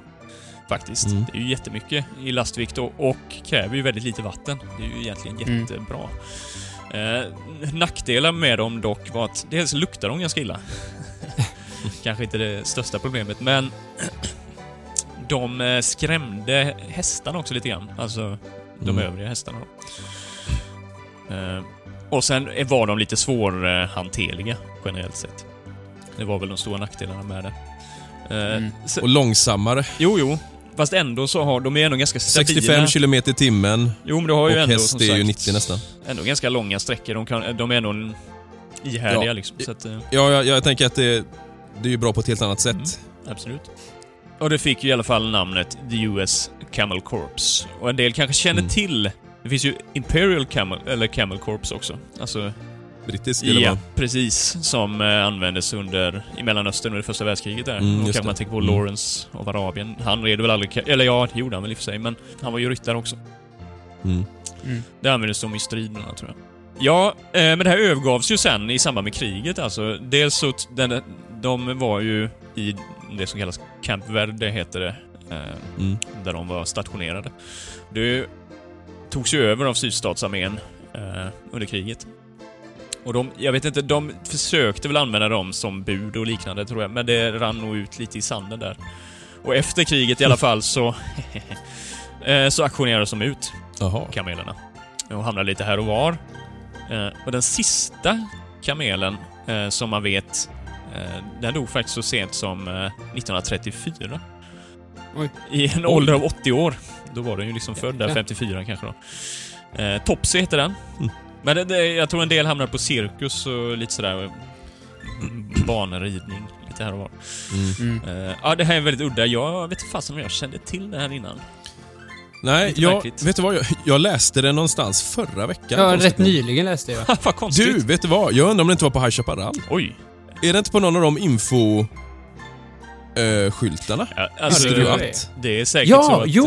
eh, Okej. det är vid Texas? Mm. Kan Ja. det? Ja, Mm. jo där är det ju. Vad lustigt. Det var jävligt lustigt. Ja, Ja, ja. det ja men för, jag- för jag vet att jag inte hade läst det för Jag läste det alltså nyligen. Nej, jag bara, jag bara finkammade nätet efter lite udda Mm. grejer och så. Ja, väldigt intressant. För som sagt, tänk om det hade fått riktigt genomslag. Mm. Västernfilmer hade sett ut på ett helt annat sätt. Mm. Japp. Lite långsammare jakter. Mm. Svårt att hinna fatt tågen. Passar ju perfekt i Leone-filmer. Ja. ja. Det här kanske är någonting man ska... Det här är ju någonting som borde... Ja, precis. Tugga Användas i, eh, i filmsammanhang. För då är det ju en period ändå där det finns menar jag. Ja, jag vet faktiskt inte om det är med i någon film. Det brukar alltid... På Wikipedia, det finns ju någon Wikipedia-sida också såklart om detta. Mm. Men hur var det där? Fanns det någon... var inte med i The Villain. Ja, inte helt omöjligt. Faktiskt. Jag tänker om Arnold slår ner den. Jaha, ja, nej. Men eh, nu ska vi se. Jo, men det är med en del filmer faktiskt. Mm, det okej. med. Mm. Ja, det ser man. Mm. Det är faktiskt med Kul. i serien Maverick. Ja, serien. Jaha, Yes. okej. Bland annat. Mm. Ja, men det var ju lite udda Ja. ämne så. Det var roligt. Ja, det var ett nytt, annorlunda. Det var roligt. Mm. Mm.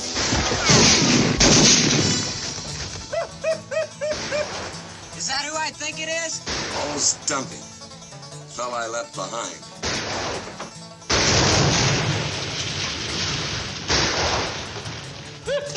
that was a good one. Oh, stop cackling.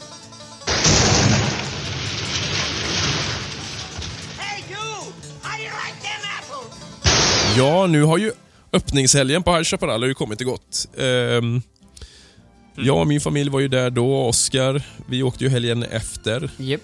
ehm, med Ulf också ju. Mm. våra familjer. Överlag så är jag väldigt positivt eh, överraskad av det mesta faktiskt nya. Mm. Maten bland annat. Eh, I alla fall Ja. om man tar hamburgarna till exempel. Ja. På Daves. Eh, Vilken annan mat var... Nej men det är, jag ska väl säga det, diligensen, jag tog, vi tog den lunchen en dag där. Mhm. Det var väl ingen, alltså... Första rundan man tog på buffén, den var väl, det var ju husman liksom. Mhm. Eh, raggmunkar och sådär. Mm. Det var helt okej. Det var ganska dyrt, det var typ 170 spänn eller någonting för lunchen. Oj, ja. Eh, andra vänner jag skulle gå och ta, det var typ alla raggmunkar eh, superbrända. Mhm. Oj, Eh, Det var mycket sånt. Det var, nej, det var inget, jag skulle aldrig betala det för barnen till exempel. Men de har nog kanske någon... barnbuffé. Nej, det var, d- där, den buffén har aldrig liksom blivit detsamma som den var när det var, alltså 2017 eller vad det var Simon, när vi åt, när det var grill. Ja, ja, ja, jag tyckte det var helt Då var det okej rätt okej. Mm. Men det, ja, nej, den har aldrig liksom blivit detsamma. Nej, Men, eh, nej, det har funkat jättebra tycker jag. Ehm, det här nya warehouse, alltså, eller vad- nej, barn, vad heter det Oskar? Barnens vilda västern va? Ja, barnvästen va? Barnvästern ja. Mm. Också verkligen ett steg upp liksom. Mm. Och de två nya karaktärerna var ju lite småroliga. ja, ja absolut. Eh, kul- Tom kul att- Sawyer och Ja, och Huckleberry Finn. Huckleberry Finn ja. Det är kul att det händer lite där ute i Texas. För förra året kände jag att det var lite väl dött där ute. Liksom. Mm. Men det var Ja, väl det är skönt ju- så, men... Jo, det var ju skönt bara att få sträcka på benen lite. Ja, Mm. men Men, nu har man ju det pa- partiet där vi, nu går ju de där, och framförallt vid deras lilla ö. ja precis. Barnen älskade ju det. Tia tyckte det var jättekul i alla fall. Ehm, Det var någon som sprutade Ja, vatten på? Oskar va? Ja. ja, precis. Ja. Sen, var det, sen är det kul i butikerna, där har de ju bytt ut, nu är det nästan bara kolser. Det är ju inga Denix alls va, nästan. ja, de har lite, Eh. lite Denix har de va? Mm. Men nu Det kör var de... ju- Det var efter Västernpodden och... Nej, nej. nej, nej. Ja, men sen är, det har varit så otroligt kul nu att träffa, det är ju väldigt många man har träffat Mm. som har lyssnat på podden. Mm. Och medborgare överlag. Det är så himla roligt. Och sen få alltså, prata om västern och intresse och allt kring va. Ja. Eh, otroligt roligt. Vi, eh, vi pratade ju bland annat med en kille eh, på senaste här nu då. Mm. Då vi pratade lite om eh, det här detaljer med hur man klär sig och sådär. Mm. Eh, till exempel på High Chaparral så har vi ju många medborgare går i de här eh, axelväskorna va, som är av något eh, tyg liksom. Yes. Säckväv eller liknande. Och då började ju du och jag Simon pratade ju lite om hur vanligt var det egentligen? Mm. Eh, varpå du tyckte ju att nej, det gick man ju inte runt med. Lite grann. Man och man. Men eh, nej, visst generellt sett trodde jag inte det. Men du har ju hittat en del Nej. eh, roliga grejer där. Ja, precis. Jag har ju skickat bilder till er där också. Mm. Eh, jag tänkte nämna tre stycken olika sådana här som användes ganska flitigt då i olika sammanhang. Eh, vi kan väl börja med, alltså jag upplever ju att många, många klär sig ju till cowboys just, eller koföser av olika slag va. Ja, fast Eh. ibland är det ju det här som vi varit inne på mängder med gånger, när det är egentligen jä- jäkligt mixat. Alltså du är kanske... Jo, Du har chaps och du har sheriffstjärna och, jo Ja. precis. och du är en eh, laglös samtidigt. Men låt oss säga då att man är, att man är en kofösare. Mm. Då fanns det alltså någonting som kallades för eh, war bag, eller war sack. Mm. Jag har kollat lite återigen med Marshall Timble på eh, True West, Ja. oraklet. Ja. Eh, och han säger ju det att cowboys, de eh, ogillade ju egentligen eh, de här sadelväskorna och andra eh, sådana grejer. Till exempel eh, vattenkantin och sånt där. De, att det, alltså det var för tungt och för jobbigt att packa på och ha på en, eh, på en mindre häst. Mm.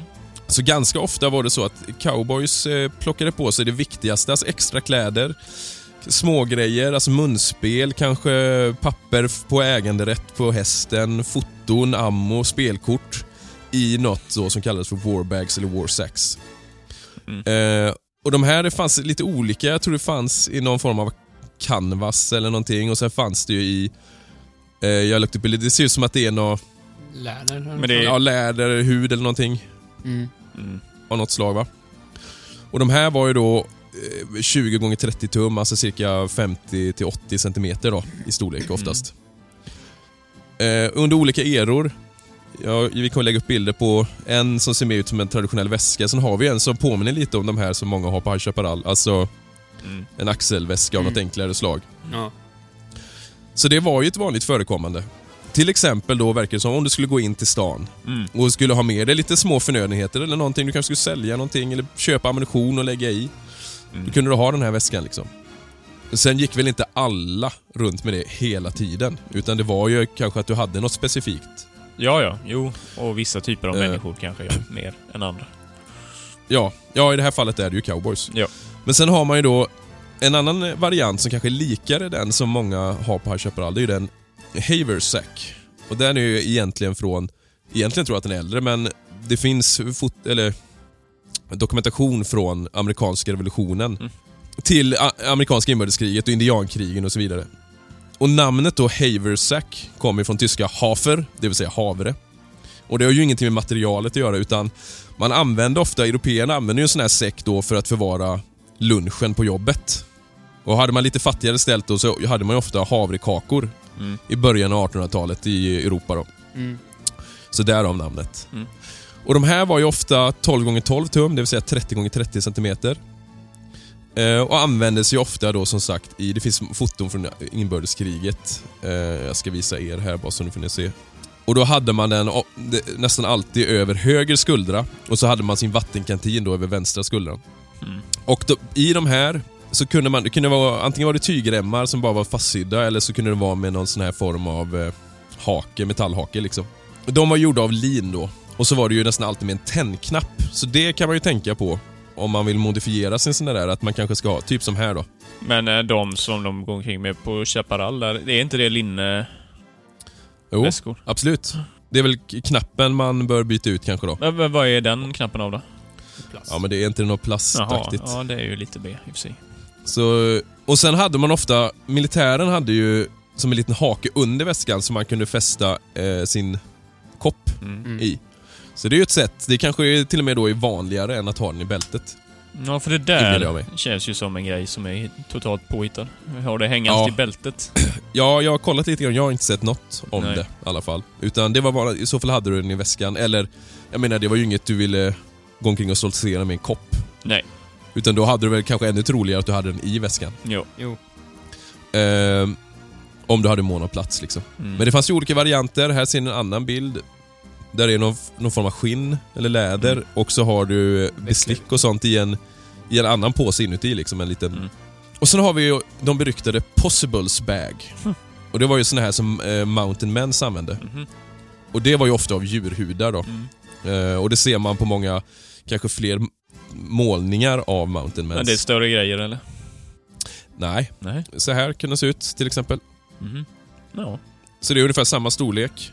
Mm. Det fanns väl, det här, och Possibles alltså det kunde ju vara allt möjligt. Så det här gjorde du ju, alltså det kunde ju vara massa olika storlekar beroende på vad du behövde. Jo, jo. Så det var ju, lite som det Elof pratar om, alltså vad, var, vad behövde man? Mm. Ja. Ehm, Men du kanske hade jerky, tobak, pipa, ammo, plåtkopp och så vidare. Så eh, absolut fanns det sådana väskor. Men man får ju återigen kanske tänka då om, det, det måste man inte heller, men om man vill vara lite noga där. Vad, vad är man för sorts karaktär? Mm. För det styr ju kanske vilken sorts väska man har faktiskt. Jo. Den här väv eller linväskan är ju kanske mer kopplad till militär till exempel, eller ex-militär. Och en Mm. cowboy kanske har av lite eh, bättre material så att säga. Mm. Mm. Ja, nej men intressant. Så det Mm. fanns helt klart. Ja, ja, men det var bra genomgång. Mm. När vi var på High Chaparral så träffade vi ett, ett återbesök fick vi också i Polen. Mm. Vi träffade skådespelerskan Lisette Nilsson. Mm. Eh, hon har ju huvudrollen i årets show. Ja, jag tror hon delar det med någon annan va? Ja. Såg det ut som. Ja.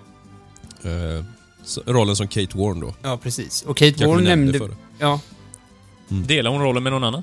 Olika föreställningar. Mhm. alltså Ja, behöver ja, du jobba varje dag Jo, hela det, sommaren. jo, det är sant. Ja, så vi passade på att spela in en liten intervju med henne. Precis, och den ska vi lyssna på. Men vi tänker att eh, vi avslutar programmet efter den intervjun, så innan vi hör på den så vill vi säga att ni får ha det så bra och återigen, det är jättetrevligt när ni kommer fram och hälsar eh, på High Chaparral. Vi får så många olika intressanta synvinklar på ämnen och allt möjligt, så det är alltid så lärorikt. Mm. Eh, ska försöka få se hur många gånger det blir. Det blir nog många dagstripper kanske, i alla fall för vår del. Några övernattningar blir det ju. Eh, I juli, Simon har ju vi sagt till exempel, där i mitten av juli va? Mm. Yes. Vi lämnar över till oss själva på High Chaparral.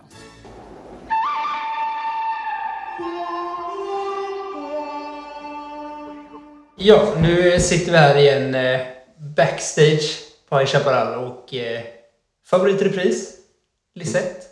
Ja, hej igen! Hej! Och det var ganska exakt ett år sedan, eller det kanske var juli i och för sig, men drygt ett år sedan vi såg senast. Eh, och nu är du ju högst aktuell här med eh, din roll som Kate Warren, eller hur? Ja, men precis. Kan du berätta lite om, vi kan börja med att berätta lite om eh, kanske henne som karaktär och Ja. din karaktär i föreställningen. Ja, men precis. Kate Warren, hon var ju en eh, agent på den tiden eh, och eh, kvinna, vilket var väldigt ovanligt. Eh, och det är en ganska häftig historia om henne, för hon liksom klev in på kontoret, Pinkertons kontor, och sa jag ska jobba med dig. Och han sa nej, det, du är kvinna, och så skrattade han åt henne. Men hon gav sig inte. Hon sa jag kan, jag kan lösa grejer ingen annan kan, för att jag är kvinna. Precis. Så hon, eh, man vet egentligen inte riktigt vem hon är, men hon bytte skepnad. Ibland så klädde hon ut sig till man. Eh, ibland så liksom umgicks hon med alla skurkbossarnas fruar för att få ut information och knöt kontakt. Så hon, otroligt smart eh, eh, människa var hon. Eh, ganska häftig också karaktär att få gestalta liksom. För jag är ju väldigt androgyn i min roll och det är också tanken med det hela. För På den tiden så skulle kvinnan vara hemma och vara liksom, ja, mamma och bara ta hand om hemmet. Så hon är ju verkligen, hon har ju skrivit historia. Ja, precis. Mm. Ja, verkligen. Det, och det märker man ju också på Alan Pinkertons, alltså hur han, hon hamnade ju till och med i hans eh, familjegrav tror jag, Ja, efteråt. Och han har ju sagt det att hon var en av de fem medarbetarna som han höll högst liksom. Eh, och om du ska jämföra med din roll från förra året, vad hette hon nu, skurken där? hon hette ju Nelly Starr. Just det. Mm. Om du skulle jämföra eh, de två rollerna och hur du har liksom tagit dig an dem, vad är de största skillnaderna i detta? Eh, största skillnaden är att skurkbossen Nelly Starr var mycket mer nervig, arg, mycket, mycket mer större i sina reaktioner. Eh, det häftiga med Kate Warren är att hon är ju ganska moderlig, hon har ett lugn hela tiden. Ja. Men hon är så sjukt medveten om varenda move och val hon Kalkylerande, gör. Liksom. ja. Ja, precis. Så eh, hon är ju den som behåller lugnet, men också hon behöver skjuta ett skott i princip så, så är hon klar. Så här. Alltså, hon är väldigt duktig, psykologiskt Ja. duktig. Så jag skulle säga att Nelly Starr var mycket mer vräsig och liksom, ja, vad ska man säga, väldigt stor i sina uttryck Ja, jämfört med impulsiv, Kate ja, Warren. Kate Warren ja. är mer mystisk, mer, eh, ja, ja, en mystisk karaktär. Mm. Och det framgick alltså, som sagt jag såg ju förra veckan eh, första föreställningen, premiären. Ja. ja, det var guld. Eh, det var riktigt, riktigt bra. Och det, jag tycker det framgick väldigt Ja. tydligt, just det. För jag tycker också det var kul, då kunde man jämföra. Eh, För vi Ja, visste ju, vad vi hade ju pratat om att vi skulle göra en intervju, så då tänkte jag just jämföra liksom rollerna. Väldigt, jag tror det är superbra. Eh, Och det är kul att få att spela ond och sen få Ja. spela Ja. god och hjältinna. Det är också så här, shit, hur tar man sig an det? Ja, hur är man en hjältinna? Liksom? Det är, eh, många- Utan att bli karikatyr. Ja, precis. För det jag tänkte säga. Många, många föredrar ju det om man tar... Vi kan ta som Mark Hamill till exempel som spelar Luke Skywalker i Star Ja, Wars. exakt. Han gör ju Jokern i Batman, gör ju ofta röst till eh, och, och sådana roller. Och han, bland flera, säger ju att det är oftast roligare att spela eh, elak eller skurk. Mm. Vad tycker du? Vilken av de här är roligast att... Oj, Kör. alltså det... Just Kate Warren-rollen är ju väldigt häftig för att den står ju för så mycket viktiga saker. Mm. Det är fantastiskt tycker jag att det är andra året i rad det är kvinnlig huvudroll. Eh, Ja. Bara det är en stor revolution faktiskt. Eh, Ja, och absolut. att eh, hon är väldigt androgyn och det, det står ju för mycket bra grejer. Så det är väldigt ärofyllt att få Mm. göra som roll. Men sen är det ju när man är Eh, är man en snäll människa i sitt privata så är det ganska kul att få utforska de här eh, lite mer eh, elaka Ja, sidorna. För precis. man måste ju gräva fram det som skådespelare. Liksom. Hur, Ja. hur är man elak och med kroppsspråk och mimik? Och, och vi har ju liksom 80 meter scen här så man måste ju vara väldigt tydlig i sitt Mm. kroppsspråk vad man vill. De, även om de inte hör vad vi säger ska de ju se på oss. Vad, Ja. vad är det för känslor? Vad är det som händer? Liksom. Så, Mm. Det är svårt. Jag, jag är så himla glad över att få, få göra liksom, en ny karaktär i Ja. år. Så, men ja, det är kul att vara elak. det ska jag säga. Jag tänkte det. Det är roligt. Man, man har lite mer friare tyglar Mm, att göra det. lite tokigare grejer Ja, på precis. scenen. Man, Ja. kan, man kan faktiskt eh, skoja med sina kollegor lite och göra lite extra grejer sådär, Ja. utan att det gör något. Men, Ja, precis. Det måste vara lite mer förlåtande. Ja, precis. Men som en hjälteperson då måste man ändå hålla sig inom ramarna Ja, exakt. för att hålla status. Ja. ja, men kul ändå att du fått göra de två väldigt olika. Mm. Det är väldigt roligt. Mm. Och kul att som sagt se den. Och väldigt utvecklande. Det är... Ja, det måste det ju vara, tänker jag. Mm. Och då kan man ju gå in på en annan grej med då. För förra året när vi sågs, då var det ju en väldigt annorlunda sorts show. Mm. Det, hur många var det per dag? Det var ganska många, va? Ja, vi körde ju fem shower per dag, men de var ju bara en kvart Ja. långa. Och det var ju för att i början av sommaren så fick vi restriktioner att vi inte fick köra show alls. För det var ju mitt i corona-härvan här och alla vaccinerades för fullt. Eh, och sen helt plötsligt fick vi liksom, ja, godkänt att vi får köra show. Mm. Och då var det ju en, en väldigt kompakt liten show vi gjorde där på Mm. Ja, just en kvart som innehöll det vi faktiskt fick göra. För det var väldigt tydliga regler kring Vad man fick och vad inte. man får och inte får. Och i år så är det ju superkul. Det är back to basics som många säger som Ja, har jobbat här länge. Men jag var ju lyckligt ovetande förra året, men min första säsong. eh, Men det var superkul att få göra en huvudroll då och även få äran att göra Kate Warren i år. Det är ju Ja.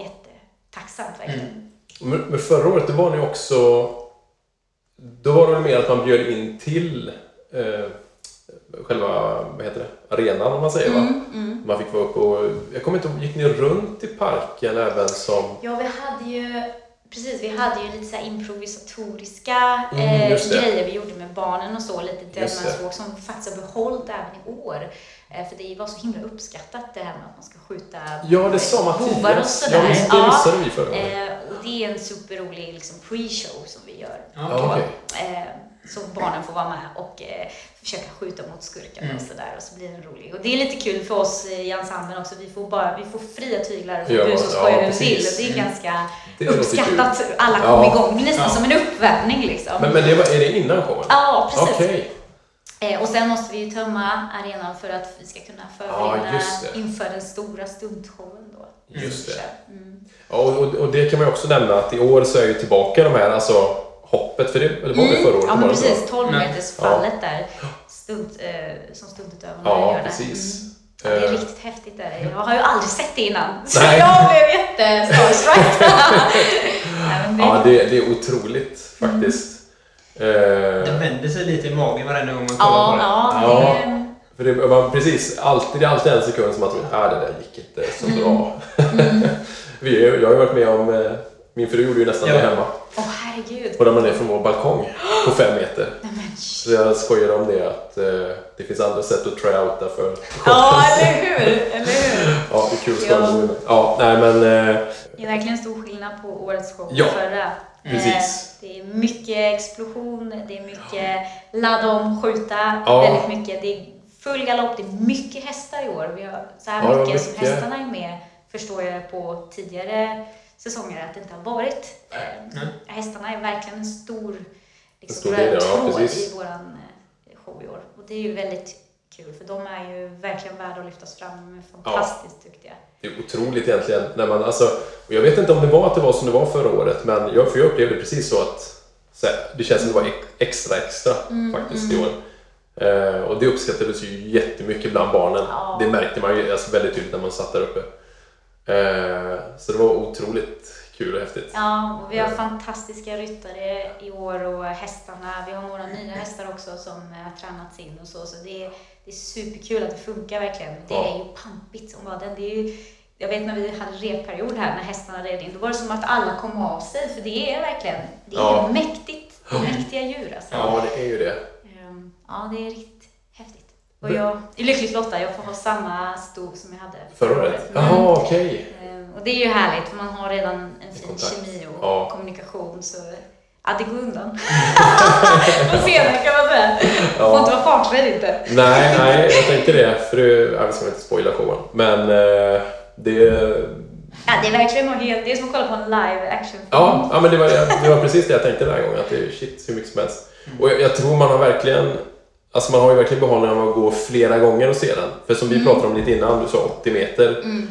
Och det är så mycket som händer på så många olika så en ögonblickssekund, alltså då missar man ju det. Kanske om man Ja, det på fel ställe. detaljer liksom. Mm. Så det, den är väl värd att se. Åker man flera gånger får man nog ta sig flera tittare faktiskt. Man får gå på båda. Vi Ja. kör två gånger om dagen. Ja, precis. En vid, är det vid 12 va? 12.30. 12.30 Ja, och en precis. En klockan 17. Ja. Och då kan man, visst är det så, man, eh, man förbokar via QR-kod tror jag. Exakt, exakt. Det De behöll det från förra året för det blev så himla bra för att alla fick Ja. rätt upplevelse och alla får plats och det blir inte för trångt och Nej, alla precis. får också att man ser, för det är ju väldigt viktigt också att Ja. man får en upplevelse att det är bra liksom, Mm. omständigheter när man kollar. Ja, precis. Jag kollar lite på ditt, eh, på ditt Instagram-konto lägger du upp lite ibland olika Ja. bakom kulisserna ju. Och då hade du ju från början när ni höll på med lite när ni lärde, alltså med Ja, pistolerna, precis. lite, det, har ni en stuntkoordinator då eller vem är det som har hand om den biten? Nej men precis, vi har en kille som heter Janne Mm. som kommer hit. Eh, Vapen-Janne kallar vi honom. eh, han kommer hit, han jobbar även som stuntkoordinator och stuntman själv och han Okej. är ju främst i Sverige på just när det kommer till vapen som man använder i film. Ja, ja, just det. Eh, och det är ju, då kommer han hit och så har vi en eftermiddag där han går igenom säkerhet och eh, ja, hur vi ska hantera dem. Liksom. För även Mm. om det är låtsas eh, skådespelarvapen så är det ju, vi måste hantera det som att det är ett riktigt vapen. Ja. Ehm, för det, det, det smäller ju i kolven och eh, Ja. sätter man handen fel eller någon kommer för nära, det blir tryck Ja. åt sidorna. Så det, det är fortfarande en säkerhetsrisk. Och, speciellt när man ska skjuta från häst och sådär måste man också tänka på säkerhetsåtgärder. Liksom, Ja, för ja, precis. Men de har ju eh, hörselskydd precis som vi, men, men eh, Ja, man vill det, gärna ja. undvika att skjuta framåt. Man skjuter från sidan, Sidan, liksom, okej, så att det det. blir bort från häst Ja. och ryttare. Ehm, men han är fantastiskt duktig, eh, Janne Lindqvist, och ehm, ja, väldigt karismatisk person också. Så Ja. den rekommenderar jag om man, om man har workshops så gå på dem. Ja, ja det, är kanske är det vi ska göra. Härligt. Ja. Det, det får bli nästa steg. Ja. Men eh, på tal om vapen. Hur funkar det när ni laddar om? Laddar ni om under showen? Precis. Eh, I år är det ju en helt annan eh, show vi gör och ett helt annat tempo. Så vi laddar om, man preppar skott på scen på olika ställen och sen Mm. så under showens gång så får man ladda ur och så får man ladda in nya. Ja. Ehm, på häst laddar vi inte om, Nej. Ehm, utan den är förladdad. Liksom. Så att Mm. när vi skjuter från häst eh, så är det liksom, då vet man att den Det är är, det finns liksom ja. på det. Eh, och sen, eh, vi skjuter så pass mycket att jag byter revolver, jag har två stycken. Ja. Så jag har en preppad som ligger laddad också för att man ska hinna. Ja, ja för jag Det- tänkte många skott alltså. Ja, det är det verkligen. Eh, Men det är ju väldigt effektfullt för alla, alla i år har väldigt mycket att göra och skjuta Ja. och vi får det. Helt plötsligt så försvann taket och Ja. nu får de köra på riktigt liksom. igen. Ja, det är riktigt kul. Det, Ja, det, är- det är riktigt, häftigt. Men i början var det ju, vi brukar ha såna tävlingar som kan ladda ur och i fortast. Ja. vi ska få upp hastigheten då. ja, det är inte helt lätt. Alltså, det, det Nej, jobbigt, inte- speciellt om de fastnar lite. Ja, Alltså. och man måste ta hand om vapnet och smörja och, och Ja. sådär för annars börjar det kärva, då är det, då Ja. är det inte kul. Det är tur ni inte kör svartkrutare. Ja, det kan man verkligen säga. Ja, ja men vad roligt. Men du, har- ni ska se den? Ja, vi ser den nu i helgen. Ja, ja vi såg det Mm. imorgon med. Precis. Eh, Ja men kanon. Men jag tänkte vi kan också gå in på då som sagt, eh, vi sa ju det att nu är det ett år sedan vi såg så det har ju hänt, du hänger ju inte här hela året runt. Nej, precis. Jag frilansar ju. Ja, kan du berätta lite, för du har ju gjort lite roliga projekt kan man ju säga. Mm. Eh, vad som har hänt här innan, i våras var det va? Ja. Eller var det julas till och med? Ja, men precis. Eh, julas så var jag med i en julshow på Mm. Larrys tillsammans med Monell Events och eh, sen så fick jag förfrågan om att vara med med Peter Jezewski, för detta sångaren i Boppers, Mm. i hans Johnny Cash show Mm. som han har gjort då. Så han gör en tribute till Johnny Cash. Eh, och då ville han att jag skulle vara June Carter. Mm. Så eh, det var ju superroligt och ja, fantastisk musik. Jag som är väldigt svag för eh, country och så, det var ju verkligen... Drömjobbet, ja, tänker jag. ja, det var verkligen en check där. Häftigt. Så vi har varit på Sverige-turné med den Ja. eh, och spelat liksom eh, ihop. Så det har varit superkul. Men nu sa du, hörde han av sig till dig? specifikt? Ja, alltså vi är eh, tre tjejer som ska vara kör till honom, till hans eh, Bebop Lubba-show Ah. som är i höst. Är det genom Monell? Eller är det, Ja, precis. Eh, ett par tjejer som jag jobbat med där. Så då var det liksom så vi hade kontakt Ja, sen innan okej. helt enkelt. Just det. Men det var väldigt eh, ärofyllt eh, att få Ja, frågan. menar det, det, ja, absolut. Det är ju fantastiskt. Ja, verkligen. Så ja, vi, det, vi, har, vi har lirat på. Ja, ja. Han är ju en gammal rockstjärna så det, det har varit väldigt roligt att få höra alla historier och Ja, jag kan tänka mig det. do's and don'ts. Och Och, det- i höst då så kör vi ju, jag och mina två eh, väninnor från Monello Events, då kör ju vi med Bebop och Loopa då. Ja. Och då är det Sverige-turné med den och det är ju 50-60-talsmusik som han kör. Bara Mm. hittar. Ja, vad kul ändå. Ja, Är så det- det är superroligt. För nu var det, nu var det kompan. Var det någon blås och sånt med också? Nej? Nej, vi hade inte blås men vi hade ju band liksom. Ja, precis. Och det, det kan man ju se också på din Instagram kan man ju kolla. Eh, du har ju lite filmklipp Ja. från och bakom Ja, kulisserna. Det är ju lite roligt att följa. Eh, men vad sa du, i höst kör ni den Bebop Blua Ja, precis. Då är det turné, Sverige-turné med Bebop Loopa. från augusti? Eh, September? ja, september, oktober där Ja. startar vi. Ja, precis. Ja, vad kul. Ja, det ska Eh, bli jätteroligt. Får vi ta, vi kan få ta favoritpris nästa år med. Ja, eller hur? Det får vi verkligen göra. Ja. Men eh, det har varit superkul. Vi har spelat munspel och sjungit som bara den med Peter. Det har varit roligt. Ja, vad kul. Mm. Nej, som sagt, stort lycka till i, med den eh, och i årets eh, show också här på High Chaparral. Tusen tack. Det är jättekul att få träffa er igen. Ja, detsamma. Tack för att du vill vara med. Ja. Tack.